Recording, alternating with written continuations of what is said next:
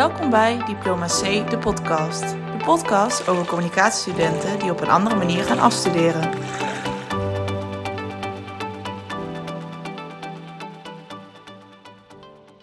Nou, welkom luisteraars bij de vierde podcast alweer. Voor de nieuwe luisteraars, ik en 23 andere Fontes-studenten studeren dit jaar af middels een pilot die zich focust op eigen ambities en doelen. We laten in Diploma C de podcast horen op welke manier Fontes bezig is met het innoveren van het onderwijs en hoe anders een afstudeerjaar er in de toekomst misschien wel uit komt te zien. Mijn naam is Lisanne, ik ben een Limburgse dame, 21 jaar en ik ben de host van vandaag. We gaan het vandaag hebben over de coaching tijdens de pilot en het zijn van je eigen leermeester. En dat gesprek ga ik met niemand minder aan dan één van de coaches van de pilot, Maaike Verkuilen. Welkom Maaike. Hi. Hi. Hi, dank je, dank je. Maaike, wij kennen elkaar natuurlijk al, maar wil jij jezelf even introduceren aan de luisteraars? Ja, natuurlijk. Uh, ik ben dus uh, Maaike Verkuilen, een Brabantse dame. Uh, ik ben sinds 2013 docent bij de opleiding Communicatie. en op dit moment coach ik de afstudeerders in het in de pilotteam.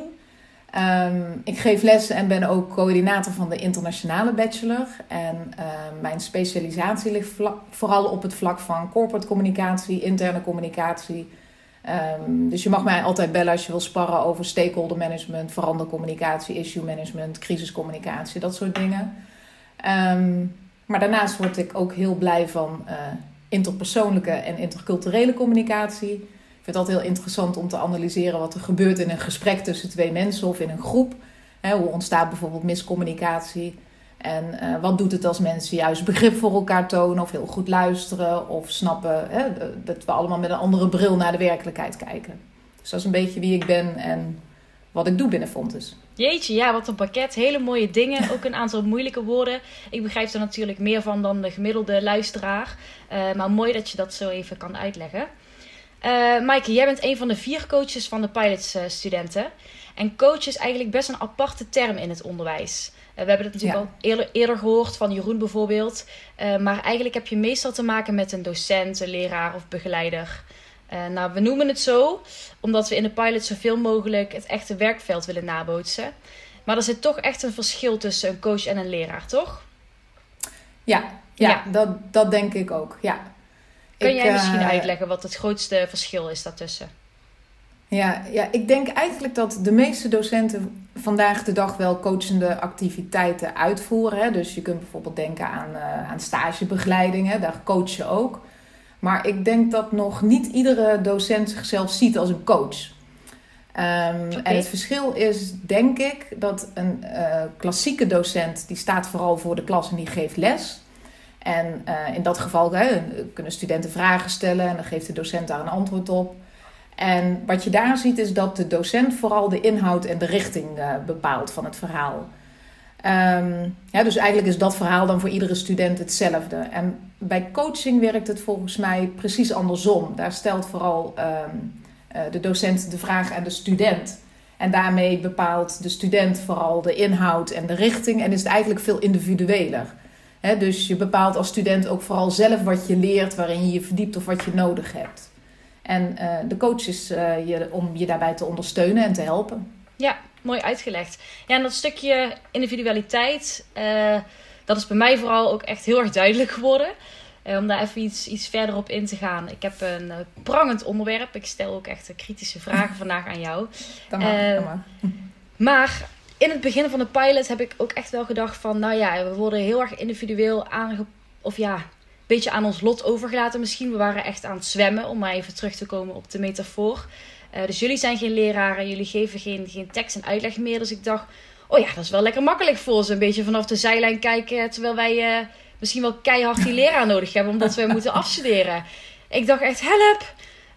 Um, maar maar hoe dacht je daar zelf over? Is het ook echt daadwerkelijk minder moeite als coach eh, tegenover een leraar? Of eh, is dat gewoon echt een, een, misvatting geweest?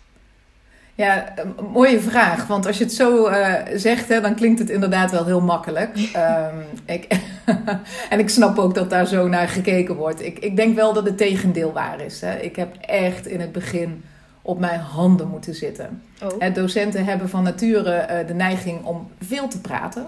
Mm -hmm. um, vooral docentencommunicatie, denk ik. Ja. Ik ben daar zelf ook zo'n type van. Ehm, maar juist vragen stellen en heel goed luisteren naar wat heeft iemand nodig, uh, dat is echt een andere vaardigheid. Hè? En bijvoorbeeld even stil zijn tussendoor, uh, zodat de student kan nadenken of even kan puzzelen of zelf naar een antwoord kan zoeken. Dat voelt echt super ongemakkelijk in het begin. En uh, ik ben dan vooral heel erg geneigd om die stiltes te gaan opvullen of te zeggen van nou, ik leg het je nog wel een keertje uit. Mm -hmm. um, en als je dat doet, dan pak je het eigenlijk weer van die studenten af. Hè? Dan, dan maak je ze weer afhankelijk van. Ja, precies. Ja. Dan maak je ze weer een beetje afhankelijk van die docent. En ik denk dat het veel leerzamer is voor een student om um, toch eerst zelf na te denken. En even op een rij te zetten van, nou, wat, wat weet ik al of wat kan ik al. Mm -hmm. En uh, als coach ga je daar dan vervolgens feedback op geven. En um, ook dat is trouwens uh, best een ingewikkelde. Want ja, feedback geven waar de student vervolgens zelf weer op door kan denken of, of mee verder kan werken, dat, dat is best moeilijk. Feedback geven, en, uh, bedoel je, is moeilijk. Ja, ja, ja. ja. En, en ik denk dat uh, het doel moet zijn dat we studenten vooral onafhankelijke denkers en, en, en professionals maken, die, die, hè, die de docent eigenlijk niet meer nodig hebben. Ja. Dat is volgens mij, uh, maar dat is best moeilijk. ja, ja, heel interessant wel hoor. Want uh, ja, zo heb ik het in ieder geval nog nooit uh, bekeken. Maar dat lijkt me wel een heel, heel leerproces. Niet alleen voor ons, maar ook voor jullie als coaches. En wat ik vooral merk in het verschil tussen coach en leraar is dat, uh, dat jullie er echt voor ons zijn. Um, niet zozeer alleen met betrekking tot de leerstof, maar ook dat jullie ons willen laten accelereren, om het zo maar te zeggen. En dat we ook echt veel op één lijn praten. Hè? Waar zit je nou wekelijks mee? Uh, wat gaat er door je heen? Wat ik niet tegen een leraar zou zeggen, wat ik wel tegen jullie zou zeggen, is bijvoorbeeld: hè, ik heb vandaag toch echt geen zin om te werken. Ik heb echt de motivatie niet. Uh, wat moet ik er nou aan doen? Dat kan ik met jullie fijn bespreken. En met een leraar misschien iets minder. Alhoewel bij communicatie is, de communi ja, is het gewoon ook best wel makkelijk om naar een leraar toe te stappen. En zoals je net al zei, als communicatiedocent babbel je veel. Uh, ik kan iemand appen van jullie, ik kan iemand bellen. Dat is wel echt typisch voor onze opleiding, toch? Vind ik wel. Ja, ja dat denk ik ook. Ik vind dat ook wel het mooie aan onze opleiding. Ja. Um, het, we proberen altijd zo dicht mogelijk bij de studenten te staan. En die drempel ook zo laag mogelijk te houden. En daarom ben ik ook wel heel blij met dat studielandschap... waar we allemaal samen in één grote ruimte werken... Um, en er letterlijk geen muren zijn die, uh, die dat gesprek tussen docenten en studenten tegenhouden. Dus dat, dat is wat ik zelf ook heel leuk vind. Ja, ja. Oké, nou um, om even te concluderen. Misschien dat, dat je als docent dus echt wel minder de leiding neemt in het leerproces van de student. Maar ik vraag me wel uh, al best een tijdje af. Hoe komt het nou dat de school er zo'n vertrouwen in heeft dat wij onze eigen leermeester kunnen zijn? En heeft de school daar überhaupt wel al het vertrouwen in? Ja, dat is een, een goede vraag. Ja. Um, ik, denk dat het, uh, ik denk dat het klopt wat jij zegt. Hè? Deze onderwijsvorm vraagt inderdaad om vertrouwen, vraagt om loslaten. Um, voor mij persoonlijk voelt dat een beetje zoals de opvoeding van mijn jongens thuis. Hè? Die, die moet ik ook loslaten, zodat ze hun eigen fouten kunnen maken. Um, Mhm. En als het dan een keertje fout gaat, dan ben je er natuurlijk om ze op te vangen. Je praat erover, je leert ervan en dan ga je weer door. Um, dat is best spannend, hè? want je wil ze zo graag behoeden voor, uh, voor fouten. En ik denk dat docenten over het algemeen ook die neiging hebben richting studenten. En dat is ook wel de discussie die wij onderling in het, uh, in het, doce in het docententeam voeren. Hè, laten we dan niet te veel los. Hè? Uh, er wordt ook wel eens gezegd ja. van ja, je, we sturen ze dat grote bos in en dan zeggen we nou zoek het maar uit. Um, en ik denk heel eerlijk hè, dat wij in het begin de rol van coach misschien ook wel iets te letterlijk hebben genomen. Um, voor mij, ja, ik zal, ik zal uitleggen wat ik bedoel. Volgens, voor mij voelde het namelijk in het begin um, hè, alsof we het niet over de inhoud van ons vak met elkaar mochten hebben. Hè? Dat we vooral Ja. in, in die coachende rol moesten blijven zitten. En ik denk dat we daar nu een vele betere balans in hebben gevonden. Dat het niet gaat om of doseren of coachen. Maar dat die kracht echt in het midden ligt. Hè? Dus dat je veel preciezer kijkt naar wat heeft een student op een specifiek moment nodig. Mhm. En ik denk dat het dan helemaal niet zo heel erg is om af en toe iets voor te doen of iets uit te leggen. Hè, als blijkt dat iemand vastloopt. Dus volgens mij kan het beide van twee werelden heel goed samengaan. Ja, ja, je moet toch altijd een soort van gulden middenweg vinden. Ja. Precies, ja. Maar om even terug te komen op dat niveau. Want wij moeten dus aan het eind van het jaar kunnen aantonen dat wij op HBO-eindniveau uh, werken. Maar hoe bewaak je dan dat dat werk ook genoeg op niveau is wat wij dit jaar doen? Ja, um, ik zie al heel lastig, moeilijk kijken en terecht. Het is ook ik, een ik kijk een vraag. beetje moeilijk, ja, dat Ja. klopt. Eh, het is namelijk zo dat het beoordelen van werk vind ik het allerlastigste van het vak van een docent. Lijkt me ook, want je ja. moet zoveel mogelijk objectief beoordelen volgens die vastgestelde criteria. Maar hoe doe je dat dan? En ik denk, Lisanne, dat jij dat zelf ook wel eens meegemaakt hebt. Hè? Dat je werk voorlegt en dan zegt de ene docent, ik vind het een 8 waard. En de andere docent, die vindt het een 7 of misschien wel een 6 waard. Ja, absoluut meegemaakt, Ehm, ja. Ja, nou, dat, dat kennen we allemaal. Ehm, en ik denk dat we daar wel iets heel moois op hebben gevonden. Want wat we eigenlijk nu zeggen in de pilot, één oordeel is geen oordeel. Hè? We vragen jullie om ehm, die feedback op te halen van experts. Hè? En dan meerdere experts uit het werkveld. Mhm, en we vragen jullie ook om iedere periode in het functioneringsgesprek je kwalificaties vast te stellen en aan te tonen. En, ehm, en dat betekent eigenlijk dat als jij die bewijsvoering kunt leveren, hè, dus in de vorm van al die beroepsproducten, hè, die dan ook nog eens gevalideerd zijn door het werkveld, Mhm. en jij kunt ons uitleggen waarom jij dan aan die kwalificaties voldoet, ja, dan kan het eigenlijk niet missen. Dus het interessante is dat jullie eerst jezelf beoordelen. ja. En als dat verhaal overtuigend is en die argumenten die kloppen, ja, dan, dan is het goed. En ik denk dat de meesten zelf wel voelen als dat verhaal dus niet overtuigend is of die argumenten kloppen niet, ja, dat het dan ook nog niet goed genoeg is. Ja, ja, sterk, dat klopt. Merk ik zelf ook in mijn coachinggesprekken. Je moet over, overtuigd zijn van jezelf en je moet anderen Precies. kunnen overtuigen van jezelf. Ja, Ja, en dat dan met de steun van experts van buitenaf. Ehm, je moet gewoon zorgen dat je verhaal sterk is. Ja, precies. Oké, precies. nou, en als die experts eens. zeggen dat jij inhoudelijk hartstikke goed werk hebt geleverd, ja, wie zijn wij dan nog om te zeggen dat het niet goed genoeg is? ja. Oké, en wat vind jij zelf nu van het niveau van de studenten? Hoe zie jij dat ze zich al hebben ontwikkeld? Ehm, ik vind het niveau van de beroepsproducten, dus ehm, de inhoud van het werk, vind ik vergelijkbaar met het niveau van studenten in de reguliere afstudeerrichting. Ehm, Phew, daar gelukkig. zit niet zo. Ja, daar, zit, daar zit, zie ik geen verschil in, in ieder geval. Mhm. Ehm, waar ik wel verschil in zie, is de persoonlijke ontwikkelingen en professionele beroepshouding. Ik moet zeggen, daar ben ik echt enorm van onder de indruk. Ehm, ik vind dat jullie allemaal een enorme mate van zelfstandigheid laten zien. Het hele proces van die opdrachten werven tot aan die eindgesprekken, eindpresentaties met die opdrachtgevers, dat doen jullie 100% zelf. Ja, En ehm, in het begin zagen we nog dat sommigen, eh, ik noem maar even, als een kip zonder kop gingen rennen. Hè? Dus ze vergaten nog wel eens debriefings te maken of dat stapje terug te doen. klopt. Om kritisch klopt. na te denken van wat wil die opdrachtgever nou van mij? Nou, dat is voor, eh, voor een aantal ook best een harde leerschool geweest. Maar nu zie ik zo halverwege het jaar zie ik echte professionals. Ik zie goede debriefs voorbij komen. En ook eerlijke gesprekken met opdrachtgevers. En ehm, om je een voorbeeldje te geven. Ik heb onlangs een gesprek gehad met studenten. Die gaven aan dat ze eh, een opdrachtgever hadden met een onrealistische vraag. Hè, of ehm, ja, eigenlijk iets wat niet haalbaar was. Wat ook niet echt een communicatievraagstuk was. Ja, dat is natuurlijk super lastig. Maar dat is wel de realiteit die je gaat tegenkomen in het werkveld. Precies. Ja, en ik vind het dan fantastisch om te zien dat dat nu al op zo'n professionele manier wordt opgepakt. Ja, dat, eh, dat is mooi. Dat doet goed. Ja, ja ik vind ook de, echt dat ik persoonlijk wel ben, ben gegroeid. En dat is toch iets wat je niet leert in de boeken, maar door het zelf te ervaren. Ja, en daarbij zijn ook gewoon belangrijke dingen om te ontdekken waarvoor jij nou 's ochtends je bed uitkomt. Of eh, bijvoorbeeld dat een opdracht begrijpen het halve werk is. Dat had ik in de boeken niet geleerd.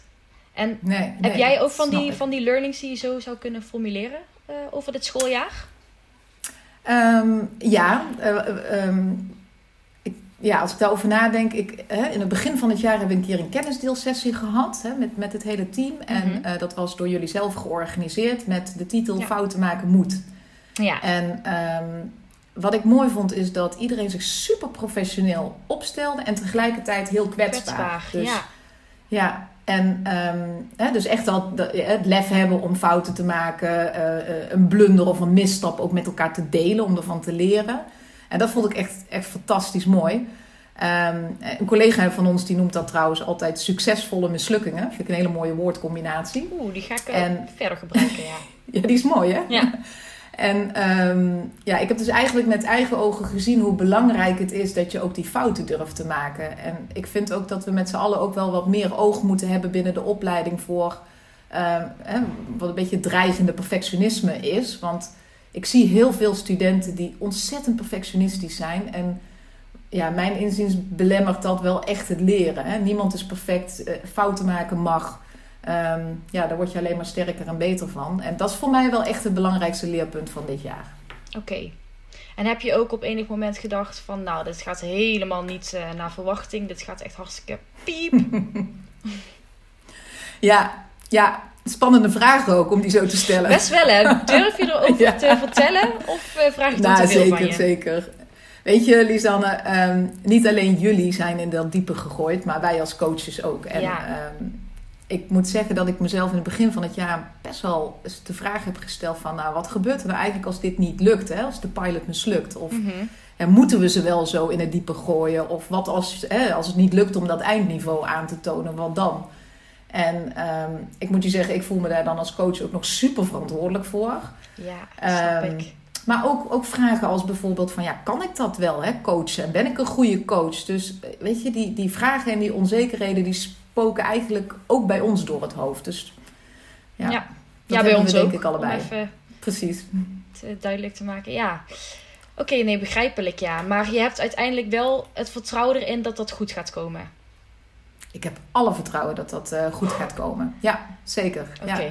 En dat komt omdat ik vooral, hè, wat ik net al zei, um, die ontzettende ontwikkeling op het gebied, hè, die persoonlijke ontwikkeling en die professionele beroepshouding, daar zie ik zo'n ontzettende groei in. Hè, dus nogmaals, die inhoud, dat, dat, dat zit min of meer gelijk ten opzichte van de, de reguliere afstudeerders. Maar um, nee, ik zie hele mooie voorbeelden. Oké, er is nog hoop voor me, Maaike. Heel fijn. ik heb nog een vraag over jou als coach. Um, wat geef jij nou de studenten mee als coach zijnde? Um, ja, dan denk ik dat ik toch terugkom op dat perfectionisme. Ik zie echt sommige studenten knijterhard werken en ook hele hoge eisen stellen aan zichzelf. En um, ik werk nu acht jaar voor Fontes en het lijkt wel of dat, dat ieder jaar ook erger en meer wordt. Mm -hmm. uh, ik weet niet of dat, dat zo is hoor, uh, dat denk ik te zien. Um, en ik denk echt dat dat enorme perfectionisme ook je leren in de weg kan zitten. Ja, ik snap best dat het niet een knop is die je zo omzet. Um, maar toch, als ik dan iets zou mogen meegeven, dan is dat ja, fouten maken mag echt. Ook als je dadelijk in dat werkveld zit. En blijf die kwetsbaarheid hè, die ik nu ook binnen ons team zie, en blijf die tonen. Dus ja, zoek bijvoorbeeld ook mensen op die je vertrouwt, waar je ervaringen mee kunt delen. Ik, ik denk dat dat je gehele loopbaan belangrijk blijft en je enorm kan helpen. Oké. Die ga ik nog een aantal keer terugluisteren. Heel mooi. nou, ik heb nog, uh, nog een laatste vraag voor jou, waar we de pilot, of de pilot, de, de podcast meestal mee afsluiten. En dat is de vraag: wat voor cijfer geef jij de pilot? Um, ik denk dat ik hem een 8 geef nu. Oké, okay, um, hoezo? En, dan, en ja, precies, dan ga jij natuurlijk vragen waarom een 8 en geen 9. Dat zouden wij ook doen. Um, ik denk dat het nog geen 9 is, omdat ik vind dat we nog best wel veel de focus leggen op het aantonen van kwalificaties en nog vrij veel focus leggen op de inhoudelijke beroepsproducten. Mm -hmm. Dat is natuurlijk super belangrijk. Um, maar hè, wat ik al zei, dit, dit team heeft zo ontzettend veel geleerd op dat andere vlak. Hè, die persoonlijke ontwikkeling en die professionele beroepshouding. Mm -hmm. um, hè, daarmee bedoel ik bijvoorbeeld uh, het zelfstandig werken, acquisitie doen, omgaan met die lastige opdrachtgevers die er soms ook zijn. Um, ja. Nou, dat soort zaken. Ik denk dat we dat nog meer naar de voorgrond mogen brengen. En als we dat doen, dan wordt het misschien wel een 9. Oké, okay, wauw.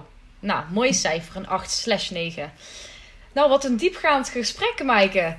Uh, ik ben ja. er inderdaad me ook van bewust dat de pilot nog een aantal haken en ogen heeft. Maar ik uh, wilde absoluut geen nee zeggen toen ik ervoor werd gevraagd. En daar ben ik uh, nog steeds blij om. Jij ook? Mooi. Ik ben er ook nog steeds iedere dag blij om. En ik vind het ook echt fantastisch om iedere, iedere dag met jullie te mogen werken. Ja, leuk. Nou, Maaike, heel erg bedankt voor het gesprek en voor je tijd. En ik ga met positieve energie weer aan het werk. Wil je nog iets kwijt aan de luisteraars? Um, goh, nee. Ik denk dat alles gezegd is wat ik, um, wat ik wilde zeggen. Dus dank je ja. wel dat ik hier uh, de gelegenheid toe heb gekregen. Mooi. En Ja, heel veel fijn. succes eh, in de rest van de pilot en met afstuderen. Bedankt. Bedankt. Jij ook als coach. We hebben nu eh, denk ik al, al heel veel meer begrip voor, eh, voor jouw rol als coach en meer inzicht. dus nou, dan zeg ik graag eh, tot volgende week bij Diploma C, de podcast. Doei doei! Doeg! Dit was aflevering 4 van Diploma C, de podcast. Tijd om de tussenstand te bespreken.